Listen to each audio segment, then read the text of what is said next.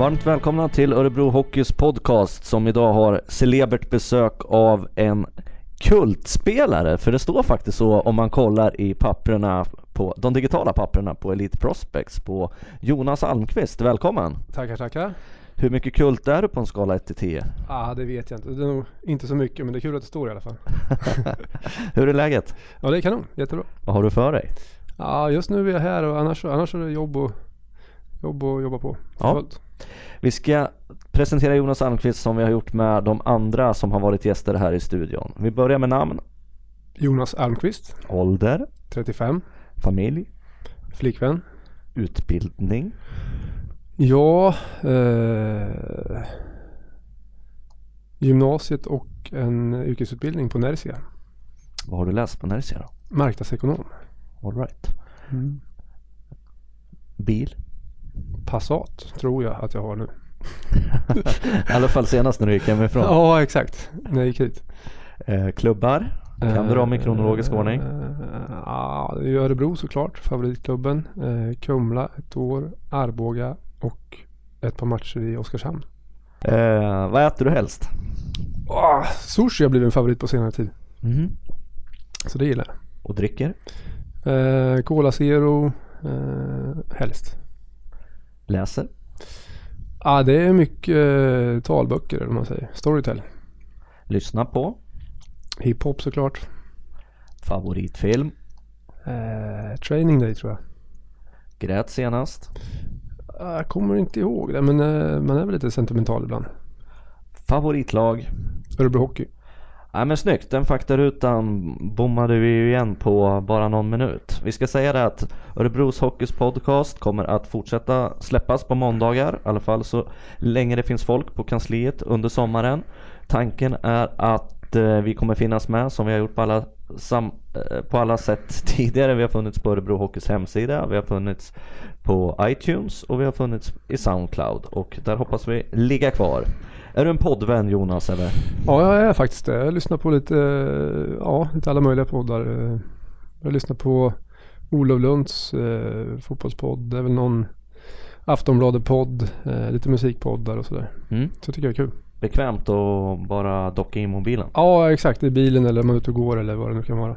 Du och jag stöter ju på varandra titt som tätt när vi är ute och traskar. Ja, man kör ju den där äh, raggarrundan kan man säga det. Jag vet inte, nej, det, det väl ingen raggarrunda. Man går runt där i Naturens hus. Och, Du är nere vid småbåtshamnen och, ja, exakt. och Jag tycker det, det är skönt. Ja. Är, är det uppehåll och lite lagom skönt väder så är det skönt att gå ut och gå lite. Och trevligt att komma nära vattnet också Ja, fast man är absolut. så centralt. Ja, ja, absolut.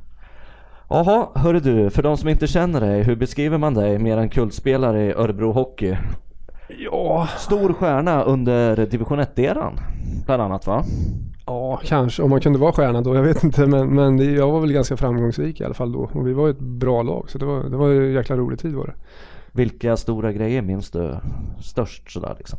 Vilka minnen är det du tar med dig? Alltså det största minnet måste vara när vi gick upp i Allsvenskan här. Eh, 2008-2009 tror jag det var. Ja. Eh, fullt på läktarna och det var, nej, det var riktigt kul faktiskt. Att gå upp med, med sin moderklubb. Du gjorde ett viktigt mål där också, Huddinge borta när du slängde dig och slog in en puck på volley kommer jag ihåg. Ja, exakt. Bortre stolpe. Jag kommer fuck, oh, jag tror jag fick pucken av Daniel Wågström. Och sen, eh, ja, jag var på rätt plats. Jag tror vi avgjorde i förlängningen eller var det? Ja. Nej, det var nog någon minut innan full tid där. Det var ju bra start på kvalserien i alla fall. Men du, 300 matcher, Mm. 10 säsonger i Örebro. Mm. Men knät knäckte det till slut, eller vad, vad hände egentligen? Ja, jag tror att det var en förslitningsskada. Det är en förslitningsskada som jag fortfarande har lite problem med om jag ska springa eller spela innebandy. Men det, det svåraste eller det sämsta för knät är nog att spela hockey. Då. Det är ganska konstant tryck på knät och man har en vinkel på, på knät som inte är bra för en ledyta som är sliten eller dålig. Det började väl med en meniskoperation i början av 2000-talet och då var det liksom inga problem. Man var ganska ung och kanske hyfsat fräsch men sen så, ja, det blev sämre och sämre och sen gjorde jag någon operation tror jag 07 kanske. Eh, blev hyfsat men aldrig riktigt hundra och sen så blev det bara sämre och sämre. Sen till slut så är det konstaterad artros. Hur kändes det då? då? Jag var ju ändå 30 år när, när jag fick sluta men det var ju en svår tid var det. Samtidigt så började jag jobba samtidigt i klubben här på marknadssidan och det var en bra övergång tror jag. Man fick fortfarande vara kvar och nära grabbarna. Eh, jag slutade väl kanske något eller några år för tidigt men, men jag fick vara med på en annan jäkligt rolig resa så det var nog kanske lite räddningen för mig att man fortfarande fick vara kvar i, i klubben och, och bidra på ett bra sätt och samtidigt vara nära eh, det som man gillar mest. Liksom. Det blev inte det här abrupta slutet som det blir för många, att man lever i sin bubbla och sen Nej. går man utanför dörren och sen är det en ny värld som väntar när man är pensionerad hockeyspelare. Nej, det blev inte så. Jag hade ju kontrakt det året som jag fick sluta. Så att istället för att bara sitta hemma och rulla tummarna eh, när det var konstaterat att det inte funkar så jobbade jag kvar i klubben och det var ju super, super kul. att vara med på den resan också. När, eh, när fattade du att det var slut liksom på karriären då? För jag kommer ihåg, man gick ju och väntade på att du skulle komma tillbaka. Ja, I alla fall jag... känslan utifrån var ju, han kommer nog kanske, det blir bättre. Ja, nu är det en ny operation. Jag kommer ihåg ett träningspass när jag tänkte det här, det går aldrig. För det gjorde så ont så att det var, och då hade jag ändå tränat ganska bra. Och, och eh, det kändes hyfsat. Jag kunde springa ganska bra. Men sen så var det ett träningspass. Vi hade ja, Peter Andersson då, som tränare. Jag skulle åka baklänges och vända om till framåt. Och jag, det var väl någonting som jag inte hade gjort när jag hade sprungit eller sådär förut. Och då, då högg det till som en kniv av liksom knappt någon belastning, eh, belastning alls. Och då, då kände jag att, och då gick jag av passet faktiskt. Så det här kommer aldrig gå liksom. Eh, och det var såklart jättetråkigt. Men jag hade väl förberett mig lite på det också. Vad säger, liksom, eh, hur, hur mentalt kände, kände du då, då liksom? Nu är det över bara liksom. Ja, exakt. Ungefär så kände jag det. det om det inte funkar nu liksom, jag tränar så här pass bra liksom, och det gör ont nästan direkt när jag går på is och gör en enkel uppvärmningsövning så kommer det nog inte bli så jäkla mycket bättre liksom. Det, sen gjorde vi väl någon röntgen där och kollade på knät och det såg inte sådär jättebra ut. Så att hockey var uteslutet. Eh, men jag hade väl förberett mig lite kanske på att det skulle bli så. Eh, men ändå så var det ju jätte, jättetråkigt. Kollar man lite statistik här, jag googlade upp lite. Då har du ju två säsonger som är riktigt utmärkande. 06-07, 07-08 med 26 och 27 mål de säsongerna i, i division 1-spelet i grundserien. Ja. Kommer du ihåg det? Ja, jo men det tror jag. Jag tror jag lyckades vara på rätt plats vid rätt tillfälle. Plus minus, bäst i serien. Plus ja, okay. 29. Ja. Ja, det är ju kul. Jag tror att eh, jag, tycker själv att jag var lite bättre i egen zon än vad jag fått rykte om kanske.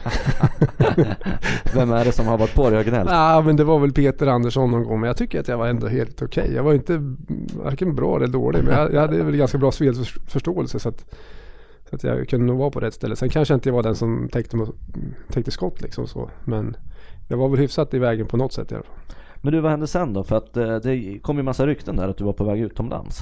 Ja, alltså jag, det var väl nästan efter varje år så här, någon, jag hade aldrig någon agent. Jag tyckte inte det behövdes när man spelade i Örebro liksom. Det var ju alltid no, någon som frågade någon agent utifrån. Ville pröva på att spela i Frankrike, kanske Italien eller, eller Danmark. Och lite sugen, sugen var man väl på att pröva på. Men samtidigt, jag är ju ganska hemkär och har haft aldrig egentligen flyttat från Örebro. Så att, så att eh, när det väl kom till kritan så ville man nog ändå vara med på. För att man visste att Örebro satsade alltid på att gå upp i Allsvenskan. Och det var, eh, vi skulle få ett bra lag. Och, och, man ville kanske inte missa den chansen att vara med när det hände. Det, det är jag jävligt tacksam för, tacksam för att jag inte missade heller. Men du var aldrig fysiskt på plats nere i Toscana eller? Nej, nej, nej det funkar inte så. Nej, på den nivån liksom så, så funkar det väl inte så att man åker dit och gör besök och så vidare. Utan då är det mer agenten som lovar och sen så får man se om det stämmer.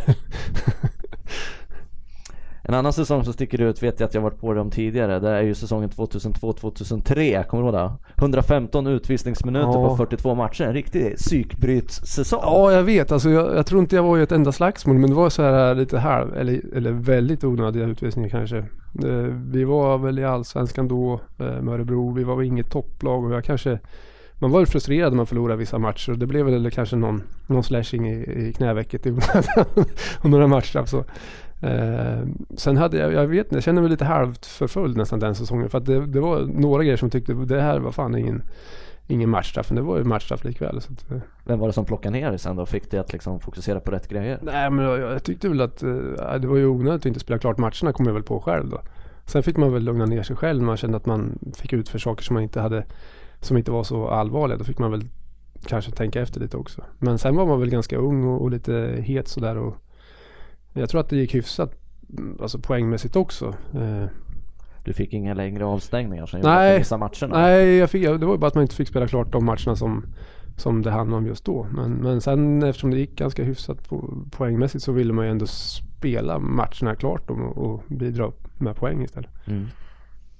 En annan Örebro-kille som eh, nu lägger skridskorna på hyllan med också lite smärtor bakom sig, Mm. det är Henrik Lövdahl, din gamla Mm. vapendragare. Nu har vi lirat tillsammans sen ni var sex bast eller något sånt där. Ja exakt, vi hade ju Christer, hans pappa som tränare i början det var ju Han var väldigt bra pedagogisk och eh, liksom följde nog med upp till 15 års ålder, 14-15 i alla fall och lärt mig och oss grunderna liksom och han var noggrann med, med, inte bara att man skulle vara bra framåt för det, det var väl ganska tidigt men han var noggrann med att förklara spel spelidé och förståelse och, och, och ja, grunderna lärde han ut väldigt bra. En gammal stor lirare här i, Ja, exakt. i stan. Han Ja. var ju även med i Bern Arena och firade i samband med SHL-avancemanget. Ja, precis. Eh, Henrik då, vilka tankar har du kring att karriären blev ändå så pass lång och så koncentrerad till Örebro som den blev för honom? Ja, det är ju väldigt, väldigt imponerande och det han är ju tjurig kan man säga på ett sätt liksom och, och envis. Ehm, och han, han, han gjorde det riktigt jäkla bra måste jag säga. Det, det trodde nog inte han eller jag att det skulle bli så här pass bra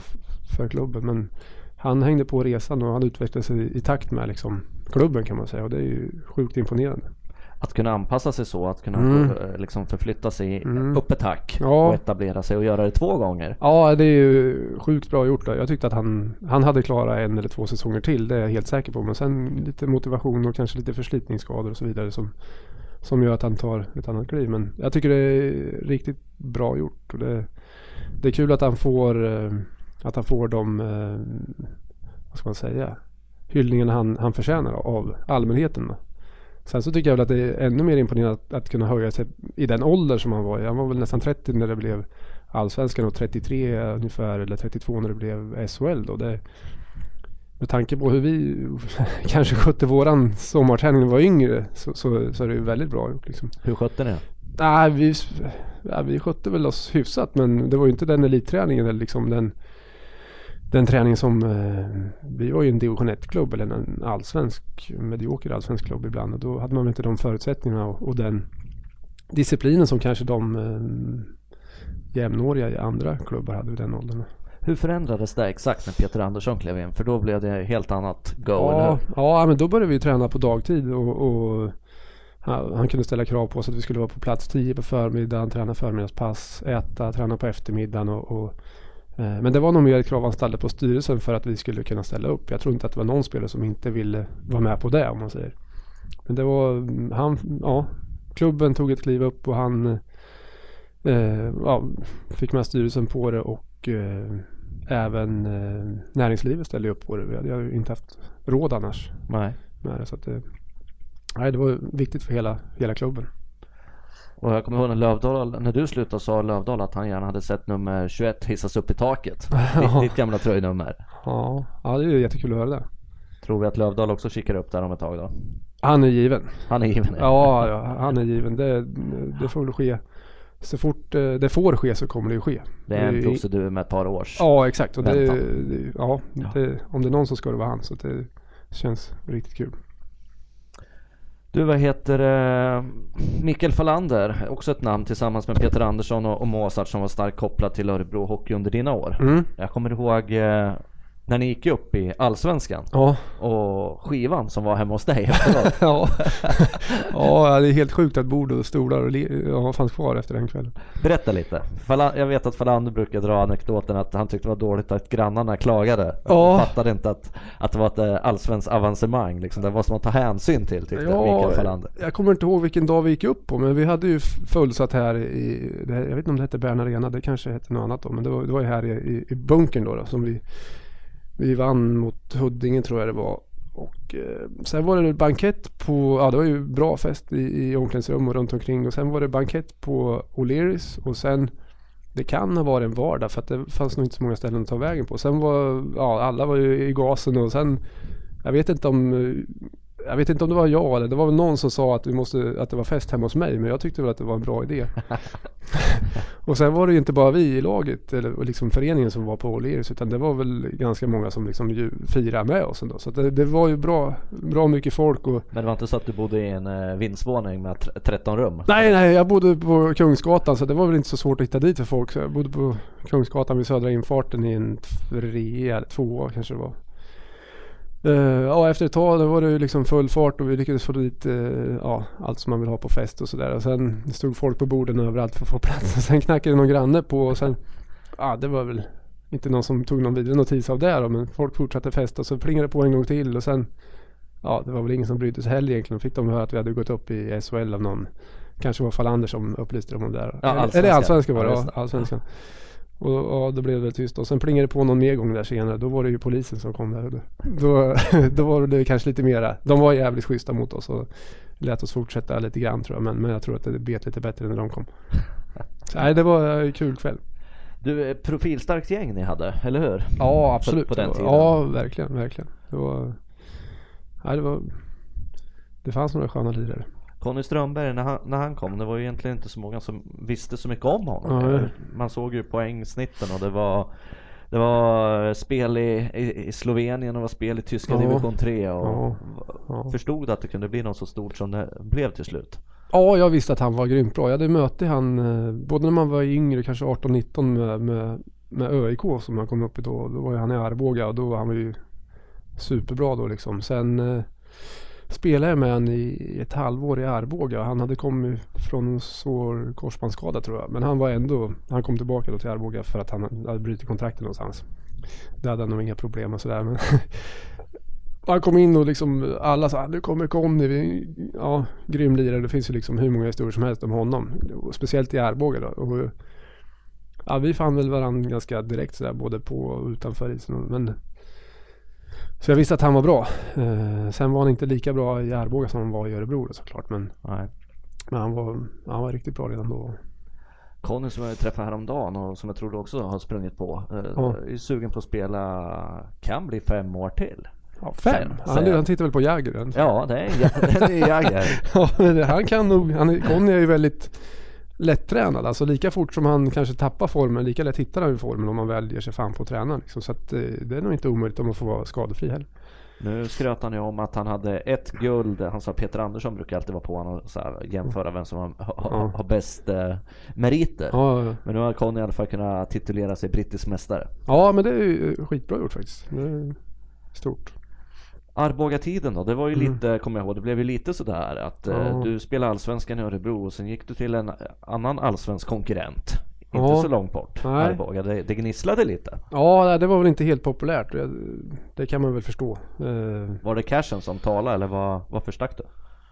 Ja, kanske lite faktiskt måste man väl säga. Sen eh, Arboga hade varit väldigt bra där ett tag. Eh, hade väl lite bra ryssar och, och det var ju ganska bra förutsättningar faktiskt. Så jag, jag tyckte att det var värt att satsa på. Sen så gick det ju inte lika bra för, för klubben eller som det hade gjort några år innan eller kanske året innan där. Men det var absolut en bra tid. Jag träffade mycket bra kompisar och, och eh, träffade Conny bland annat. Jag har fortfarande vänner kvar i Arboga. Så att jag, det, det är en fin klubb och, och Eh, synd att det inte gick bättre för oss lagmässigt. Men det, det var ja, roliga år. Vi, vi spelade Allsvenskan norra som det hette. Eh, ett av åren så var det ju lockout i NHL och då fick man massa, möta mycket bra lirare sådär. Vilka mötte du? Kommer du ihåg det? Var det några dräparnamn? Ah, det var no, en dräpare. Han var väl nästan mördare. Man var livrädd för honom. Andrew Peters hette han. Han var i fighters i Buffalo.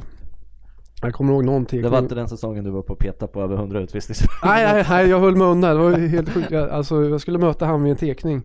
Jag tror vi mötte Boden borta. Vi hade mött i Björklöven på, på fredagen tror jag. Sen hade vi Boden bort, borta på lördagen. Och sen var det typ ja, tekning första nedsläpp i matchen. Då var jag var högerforward, han var vänsterforward.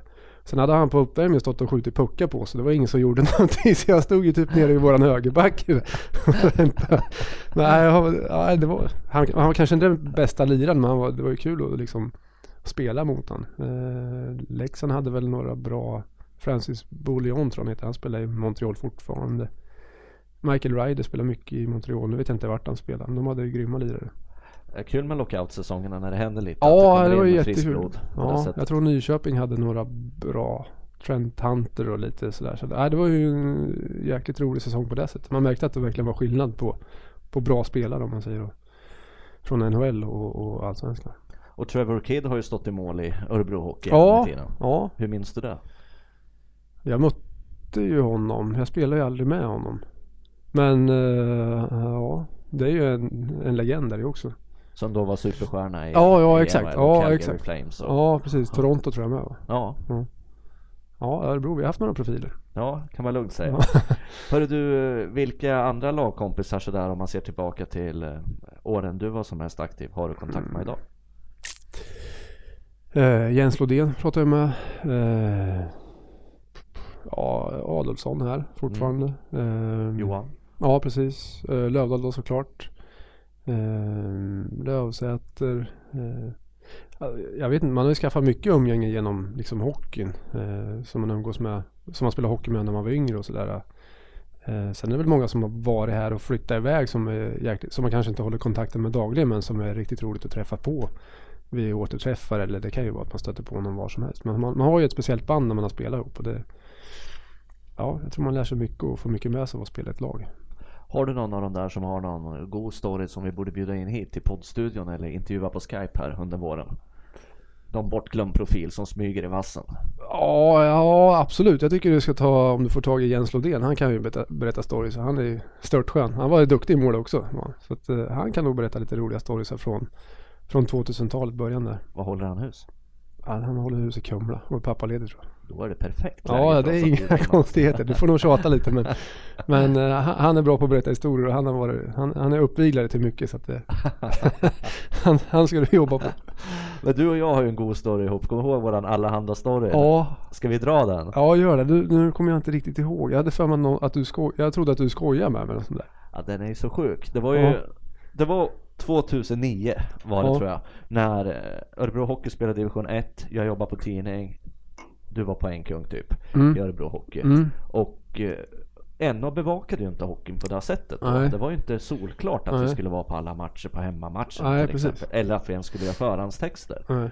Och då var det någon sån här period kommer jag ihåg där bevakningen inte hade varit så, så bra. Men ibland när vi spelar lite för bra då var det inte spännande heller. Alltså Nej. när vi liksom var klara för ja, någon typ av kval eller vad. Så, så att, ja det kanske var någon sån Det period. kan ha varit något sånt. Ja. Men jag vet i alla fall att, att jag ringde dig Ja. från typ min mobil. Ja.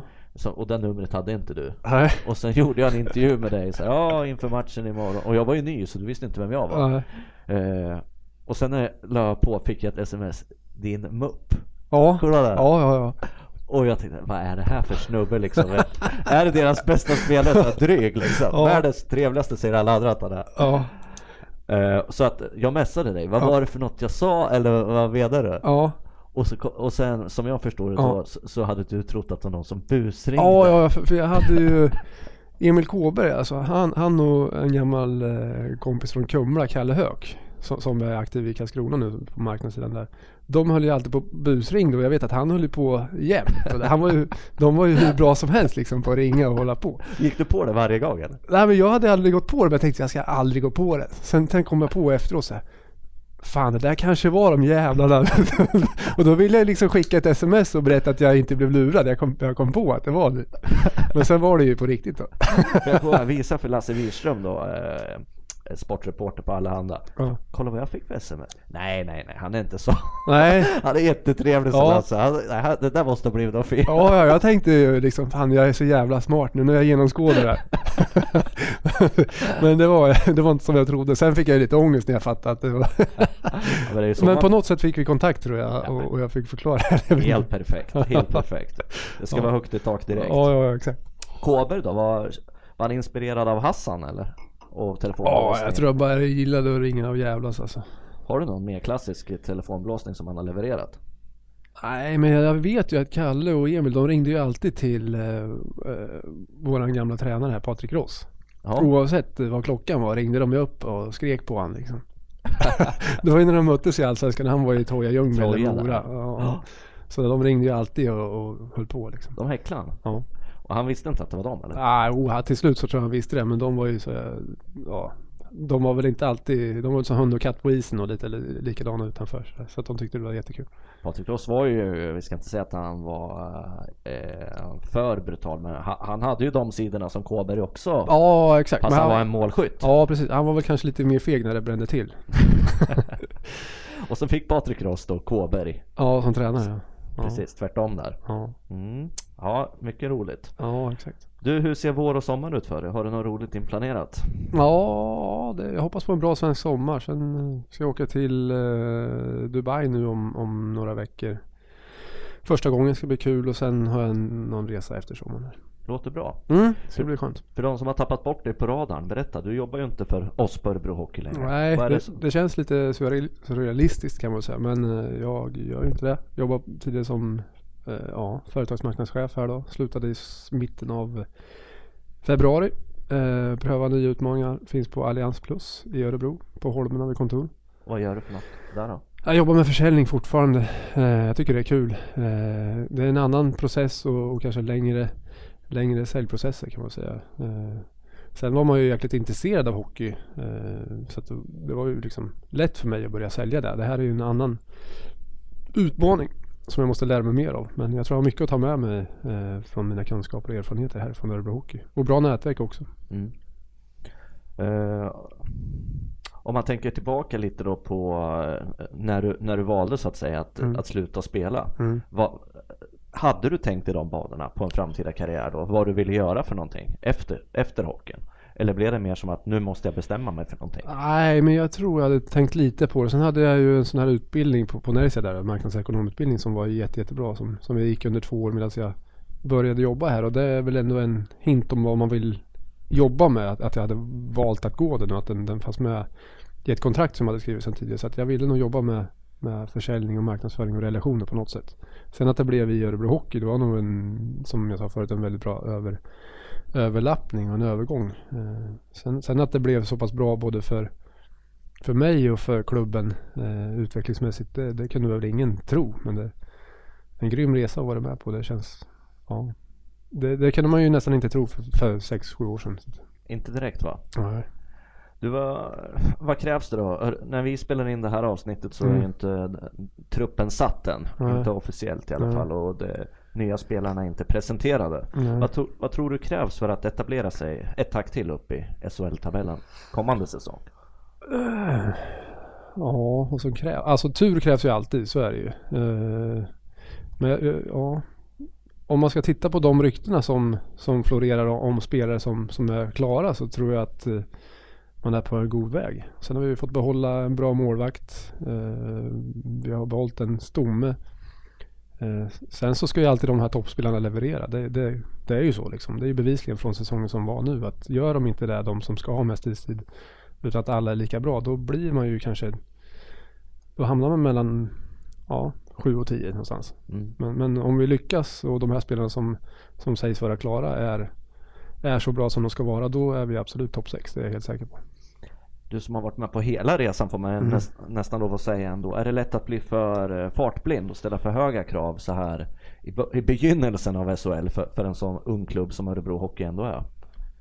Ja, fast det är kul att det ställs krav. Eh, Jag tror att det ställs höga krav för att klubben har levererat, både på och utanför. Alltså, om jag tittar tillbaka på hur det var när jag jobbade, jobbade som representant för Örebro Hockey på marknadssidan så, så i början fanns det ju inga krav alls. Det enda kravet som fanns det var ju att, att de inte ville läsa att Örebro Hockey inte hade betalt eh, sina fakturor. Eh, sen, eh, ja, nu i slutet så är det ju krav på skyhöga krav liksom. Och, och det ska det vara. Men kraven kommer från att vi har levererat. Och det, jag tycker att det är kul att det finns krav på det sportsliga också. Det, det ska det göra liksom. Vi har ju bevisat för, för två år sedan att vi gick till slutspel topp 6.